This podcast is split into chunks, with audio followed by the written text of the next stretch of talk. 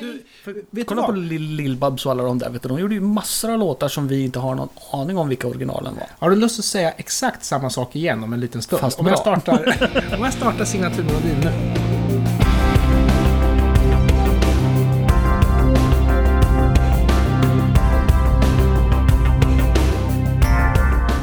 Varmt välkomna till det, vad kan det bli, 24 avsnittet eller något sånt där? 24 avsnittet borde det vara. Av Sveriges bästa podcast om musik. Det är jag, Anders Hesselbom, som tillsammans med Henrik Andersson diskuterar stulna låtar. Och vi är mitt uppe i ett covertema. Och var inte Mm. rädd, vi kommer naturligtvis att fortsätta med låtstölder, men vi diskuterar covers. Mm. Vi pratade ju om, om Gloria. Berätta. Eh, ja, nej men eh, vi kommer att prata om, om, om låten Gloria. Ni har säkert hört den antingen av Carola eller med Laura Branigan. Och vi pratade om det här att när man var liten så var ju Carola den Gloria som var. Ja. Och att man sen som äldre upptäckte att vänta nu här, Laura Branigan hade gjort den här. Och det var ganska samtidigt dessutom, eh, Laura Branningham och Carola. Men Ja, Laura Branningham var precis. före såklart. Ja. Och, och så var det ju ganska ofta när en svensk artist gjorde en cover på någonting från, eh, säg England eller kanske Frankrike eller Ja. USA eller någonting. Så hade ju inte den originalversionen någon chans nästan att slå sig in på den svenska marknaden och att man ofta inte visste om att låtar var covers. 50-60-talet så Ja. Lill-Babs gjorde ju tonvis med covers på brittiska och utländska låtar som aldrig kom hit. Men kan det vara så att skivbolagen ville att en lokal artist skulle göra musiken för att den skulle bli populär även i Sverige? Så kan det absolut ha varit. Eh, Jag gjorde ju, eller jag gör emellanåt en podcast som heter One Hit Wonders och då gjorde jag ett avsnitt om låten Sukiyaki som är en japansk låt. Ja. Från början så eh, det var ju en hit i Japan och så var det då musikskivbolagsdirektörer från väst som var i Japan och hörde den här låten och tänkte åh, den här vill jag ha rättigheterna till. Och sen stod de med den hem och lät sitt eget band spela in låten först. ja. Och när det inte gick något vidare, då släppte man det jap- japanska originalet. Ah. Det finns en svensk Sukiyaki som är bedrövlig och dessutom insjungen av en norrman. ja, men kommer du inte ihåg den här... Da, da, da, da, da, Shudem. Ja, Ja, just det. Som var väl Sven Wollter. Sven Wollter och Lena Philipsson va? Nej vänta, hon kör hon Kiss Me Tiger. ja, ja, Sven Ah. Wollter och någon i alla fall. Men det var tydligen en grej att det var så man gjorde. Mm. Ja, ja, eh, Carola, eh, Marianne Records överhuvudtaget var ju väldigt mycket sådär. Ingela Pling Forsman och, och Lasse Holm blev eh, satta i arbete att ta den här låten från eh, hitlo- hitlistorna på ett, i ett annat land och så gör ni den till någon av våra artist, artister. Eh, Herreys kanske, jag vet ja, inte. Ja, men Herreys var ju så, deras första skiva. Då, några specialskrivna låtar och sen några covers liksom. Mm. Men sen kan man ju tänka också att när vi nu är inne på 80-talet, att då var det väl lite grann så att man behövde inte försvenska engelska hits. Men däremot italienska, nej det var vi inte mogna för. Mm. Franska, nej det var vi inte mogna för. Så Ty- då var man och tyska tvungen, och så vidare. då var Ja. man tvungen att försvenska. Och det här är väl lite grann storyn. Vet du vad? Ska vi börja med att prata covers eftersom vi är igång? Jag tycker att vi hugger in på Gloria på en gång när, vi, Mm. när vi ändå nämnde den. För att jag tror att väldigt många inte vet att Laura Branigan inte heller är originalet. Nej. Alltså, Laura Branigan, jag, jag älskar Laura Branigan, men man måste säga att hon skriver ju inte sina egna låtar. Hon är en produkt. Och det, det bär mig lite grann emot, för jag tycker hon är, hon är fantastisk. Men Ja. hon är inte en musiker, hon är en artist. Hon är en otroligt bra sångerska. Ja. Hennes hitlåtar är ju, är ju enormt Ja. bra odödliga grejer. Eh, Hon är väl tyvärr avliden vad jag Ja, vet. det var... Hon dog av samma sak som sin far och sin eh, morfar, tror jag det var. Nämligen bröstet eh, kärl i hjärnan. Ah, Bruce Lee-grejen. Ja, Bruce Lee-grejen. Ah. Så den är tydligen en genetisk eh, grej som man kan råka ut för. Okej. Och jag tror att storyn är det här att ja, den västerländska marknaden var inte redo för Italien, för det här är 1979. Och jag vill sätta de här åren i kontext på en gång. Alltså 1979 kom originalet Gloria. 1982 Laura Branningan, 83 Carola. Så Carola var ju liksom svenskversionen. Men jag måste ju också säga att var inte Carola lite granna för barn? Alltså 83. Det var väl... 83, det måste ju ha varit... Är det samma album som Främling? Yes. Mm.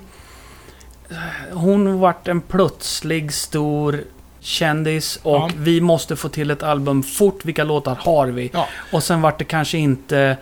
Nu sjunger hon den superbra. Ja. Men att textmässigt, låtmässigt kanske det inte var en Carola-låt. Nej, men det är ju samma story som Bröderna Herrey. Man tar liksom hitten från Melodifestivalen och sen så snabbt slänger man ihop det man har för att liksom... Det är story med alla som Ja. vinner Melodifestivalen. Ja, ja, jag skulle tro det. Och det kommer jag ju ihåg, eh, bara för att dra ut på det ytterligare. Eh, när Bodies Without Organs var med i Melodifestivalen och kom Sorry. tvåa. Ja. Så sa ju Alexander Bard... Vad fan, det är ju intressanta grejer. Men då sa Alexander Bard att det här är det bästa som kunde hända oss för att nu är vi inte låsta till Eurovision utan vi kan sticka på turné i Tyskland på en gång och vi behöver liksom inte pressa ut en skiva bara för att. Ja, just det, just det. Det här tänkte jag på han stackaren eh, som blev diskvalificerad för att han hade en misshandelsanmälan mot sig. Den här skådisen. Han som gör Dr. Glas så jäkla bra. Ja, han i alla fall. Han eh, missar ju chansen att höja biljettpriserna och allt vad det nu är för någonting. Men okej. Nu, nu, Nu, nu. har jag dragit ut på det. Du, du har alltså- inte dragit ut på det, du har bidragit. Fyllt ut. Ja. Här är i alla fall Umberto Tozzi från 1979 med Gloria.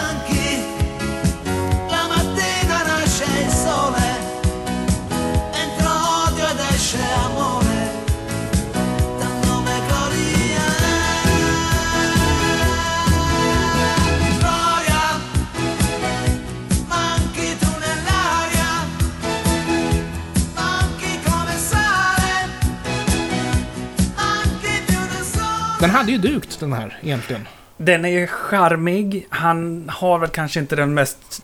Dig för han har inte den mest trevliga rösten att lyssna på. Nej. Men eh, alltså arrangemanget är ju redan där. Mm, jag, alltså, och jag vill ju inte... Eller jag vill prata ner Laura Branigan lite grann. Jag vill betona hur mycket jag beundrar henne. Jag tycker hon är vacker, hon sjunger bra, hon har bra producerad musik och sådär. Men igen, hon är ingen musiker. Hon skriver inte sina egna låtar, utan hon är en produkt av musikbranschen. Stor saknad sådan. Och hennes version av Gloria, det här är ju hennes claim to fame. Jäklar vad stort det här vart. Mm. 1982, Laura Branigan.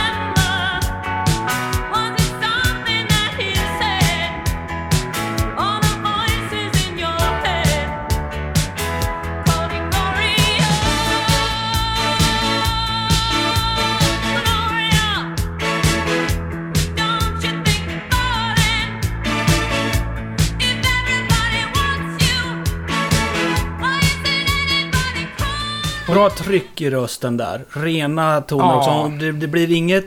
Hon har ett darret, men hon har inte... Det blir ingen i det, utan det är rena, Ja. starka toner. När vi ändå är inne på att recensera artister, så här tycker jag, alltså visst, till Carolas försvar. Hon var inte gammal när hon gjorde det här. Och Carola är ju en otroligt skicklig sångerska. Men bredvid Laura Branigan, med den rutinen som hon hade, och Carola var ju som sagt betydligt yngre, så tycker jag att det här låter som att Carola sitter hemma och klappar katten om jag ska vara ärlig. Men ja, 1983, Carola.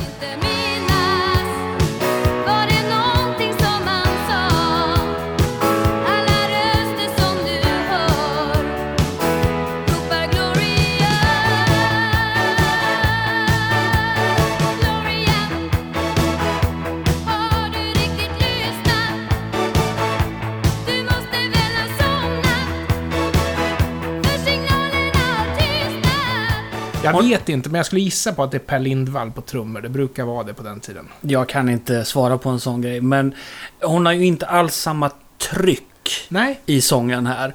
Klart hon tar raka fina toner och, och så vidare, men hon har inte eh, den känslomässiga kopplingen som man känner från Laura Branigan i låten. nej. Laura Branigan låter mer investerad i själva sången. Det här är lite texten. grann det jag brukar kalla för duktighetsvarning. Carola är duktig. Mm. Och jag, jag tål inte folk som är duktiga. Det är det värsta jag vet. Eh, Jag menar, Pink Floyd blev inte Pink Floyd för att de var duktiga. Eller Deep Purple som vi ska prata om i nästa avsnitt. Aha. Eh, Ja, Carola har ju själv sagt att den här tiden så var hon ju bara... eh, Hon blivit runt Ja. skjutsad.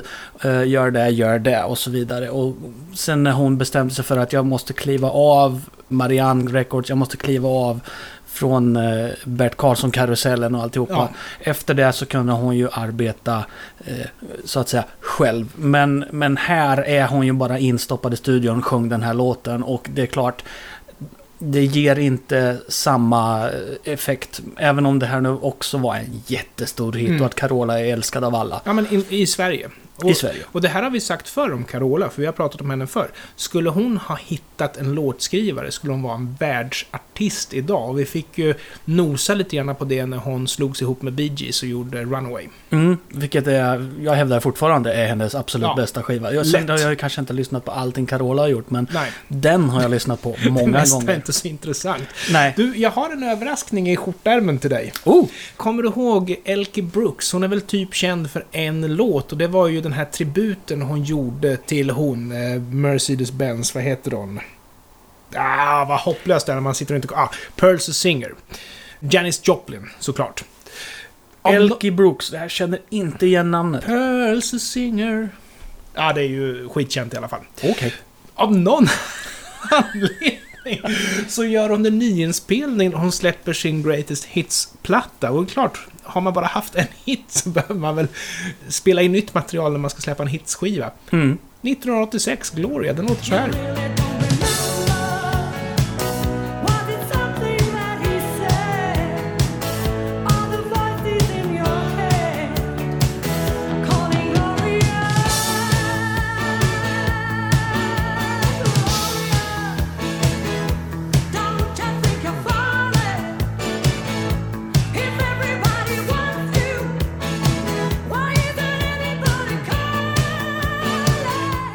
Här är jättetråkigt. Och det är alltså, produktionen är jättetråkig. Ja, Och, och hennes eventuella sångtalang bara drunknar i en usel mixning och ja. det låter som någon har stått på kvarterspizzan och kört live i ett hörn. Å andra sidan så är det väl första enda gången vi har hört Elke Brooks trycka, för hon är ju lite mera...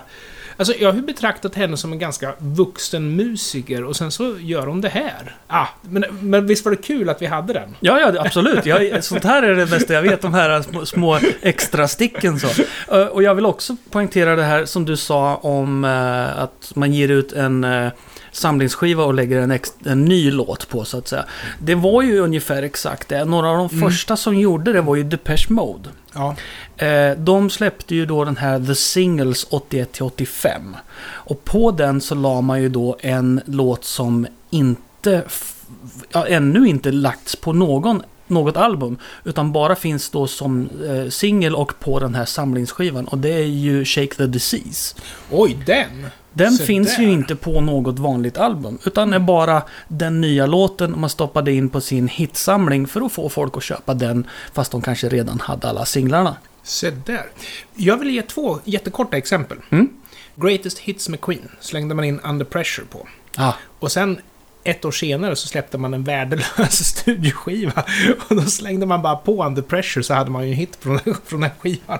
Men Toto, är som, som vi nämnde i förra avsnittet, de släppte ju sin samling som hette Past to Present. Och där tog man in inte mindre än tre nya outgivna låtar. mm. Med dessutom en ny sångare som hade ersatt Joseph Williams men som fick sparken och man tog tillbaks Joseph Williams. Och, så jag menar, de tre sämsta låtarna som Toto någonsin har gjort ligger alltså på deras Greatest Hits-skiva. Men, jag, jag vill säga ett undantag där. Jag gillar faktiskt Animal, men de andra två var helt kassa. Tanken där kanske var då att om vi presenterar de här nya låtarna i ihop med det som publiken redan älskar. Så kommer Så, de... så, så, så men, ja, fast då skiter det sig för då, syns, då verkar de ju ännu sämre. Nå, Nåväl. detta om detta. Det här behöver jag inte fråga Henrik om han har hört, för det var nämligen Henrik som tryckte på larmknappen här. Dua Lipa, en låt från 2020 som heter Break My Heart. Och eh, det vi ska lyssna på är ganska kort. Men vi kör väl ett par takter så får ni se om ni tänker på något speciellt.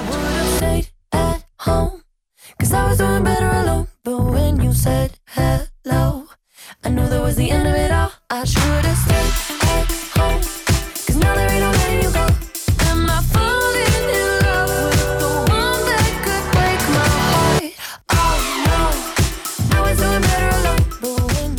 Ja, jag satt och lyssnade på, eller det var väl radion som gick i bilen när vi var ute och körde och jag bara... Vad, vad, vad, vad är det jag hör egentligen? Och eh, så tog jag upp min... eh, Jag har ju en sån där smart-telefon. Ja, en intelligent telefon. Ja. Det, man kan Och- inte bara ringa, man kan komma åt internet. Ja, och den appar. har, eh, den har en, en, en, en, en data-app i sig. Och den kan alltså då lyssna på musik och talar om vad det är jag lyssnar på. Ja, ja, ja. Den heter ju Shazam, det, är- de flesta känner till det. Det är en fantastiskt bra och, hjälpsam liten app faktiskt. Eh, och då talade den om att jag lyssnade faktiskt inte alls på In Excess med Need You Tonight, utan på Dua Lipa med Break, You, Break My Heart. Det är bra att man kan hitta vad man lyssnar på. Mm. Men eh, ja, vi, vi kör en snutt av eh, 1987s stora hitlåt Need You Tonight med In Excess.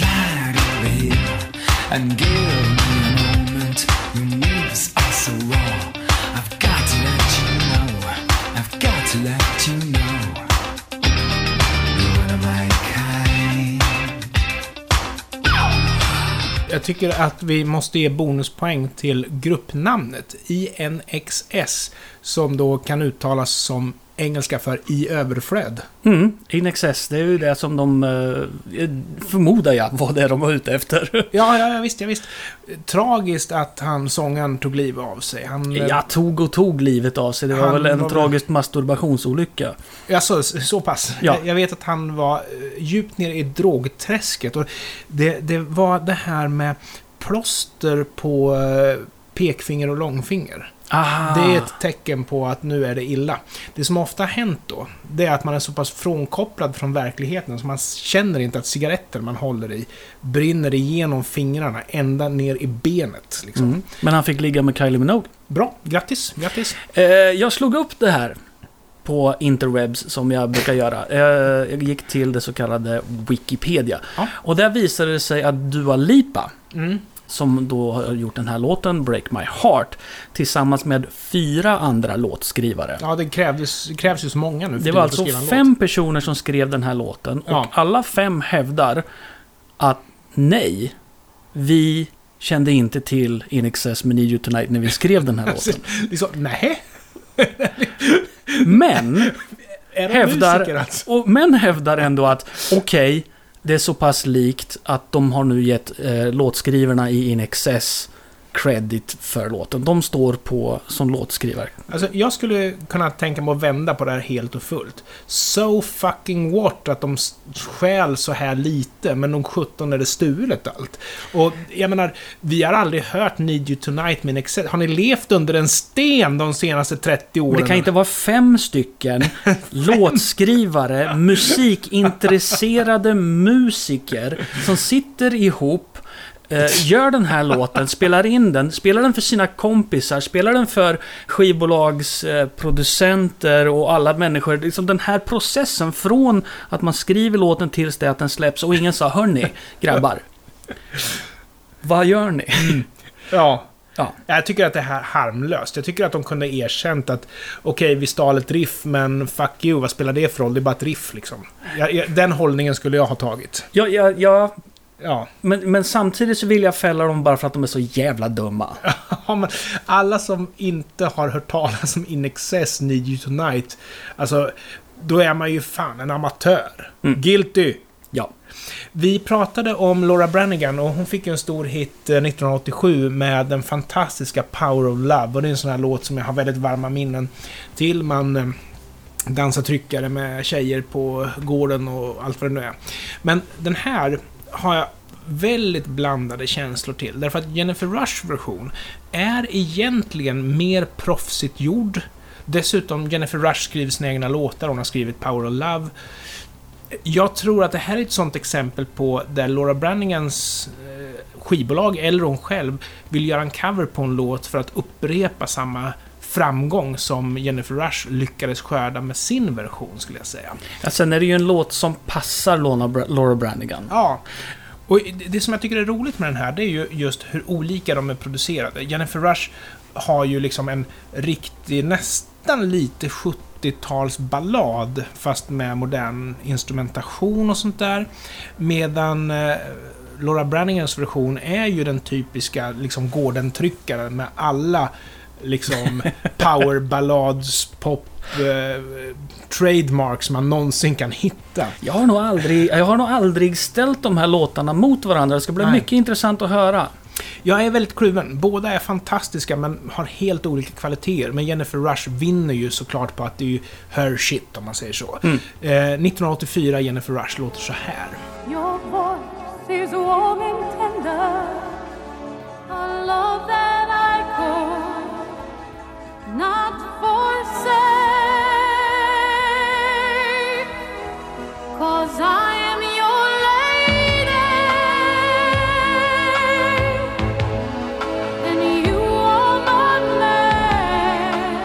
Det här är ju eh, en, en eh, fullt utvecklad, färdig låt. ja. Eh, det finns ju inte någonting som Laura Branigan egentligen skulle kunna göra klart i den här låten. Den saknar ingenting.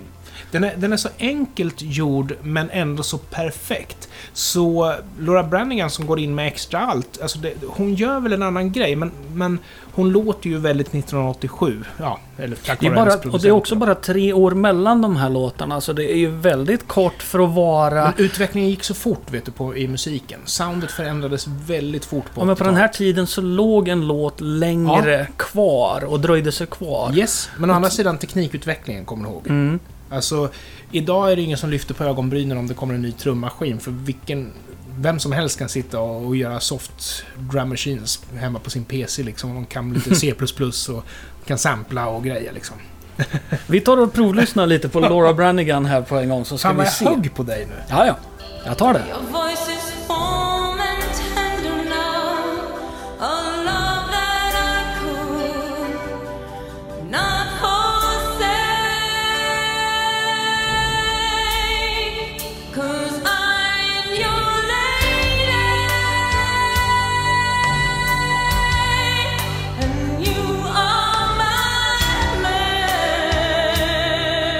Den låter väldigt annorlunda. Ja. För det första så har du ju eh, den här effekten, som, eh, rumsekot som ligger på sången som är jättetydligt.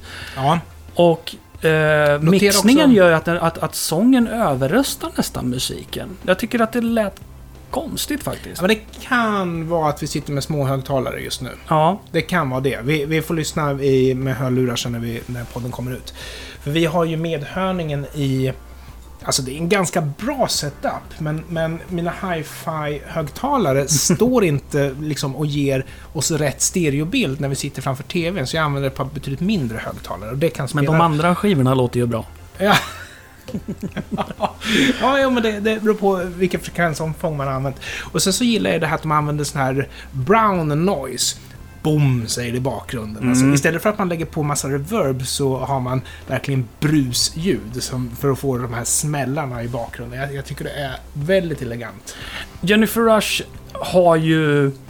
Eh, den, om man ser till histor historien, hur, vilken låt är det som spelas på radion? Det är Jennifer Rush. Ja, och hon är ju mer creddig i det här sammanhanget. Ja, och eh, jag tror att Laura Branigan har... Eh, av, jag vet inte varför inte Laura Branigan fick någon större historiskt eh, Mm. genomslag med, med sin version.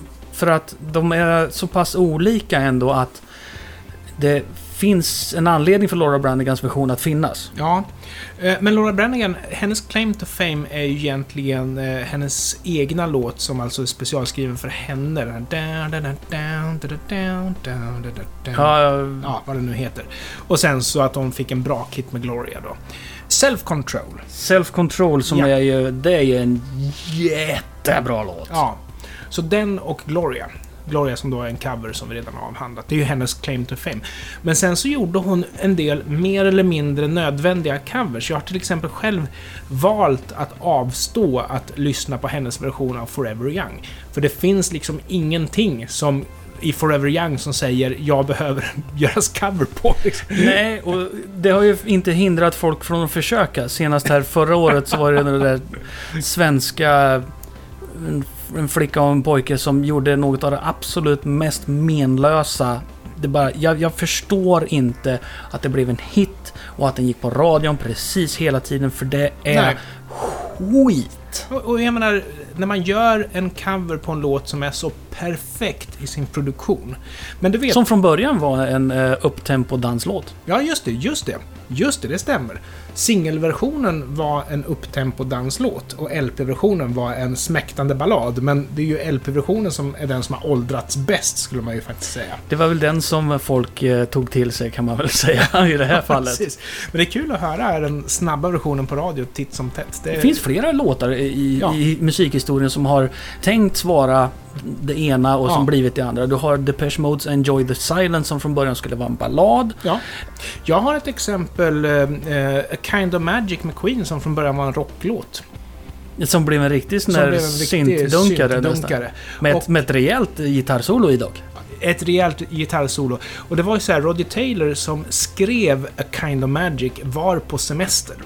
Och Freddie Mercury ansåg att han var duktigare på att ha örat mot rälsen och höra var trenderna blåser. Mm. Så uh, Roger Taylor fick ju en jättetrevlig överraskning att han skrev en rocklåt och sen så släppte de en danslåt på, på singel. Åh nej, inte det! Han bara skit. Nej.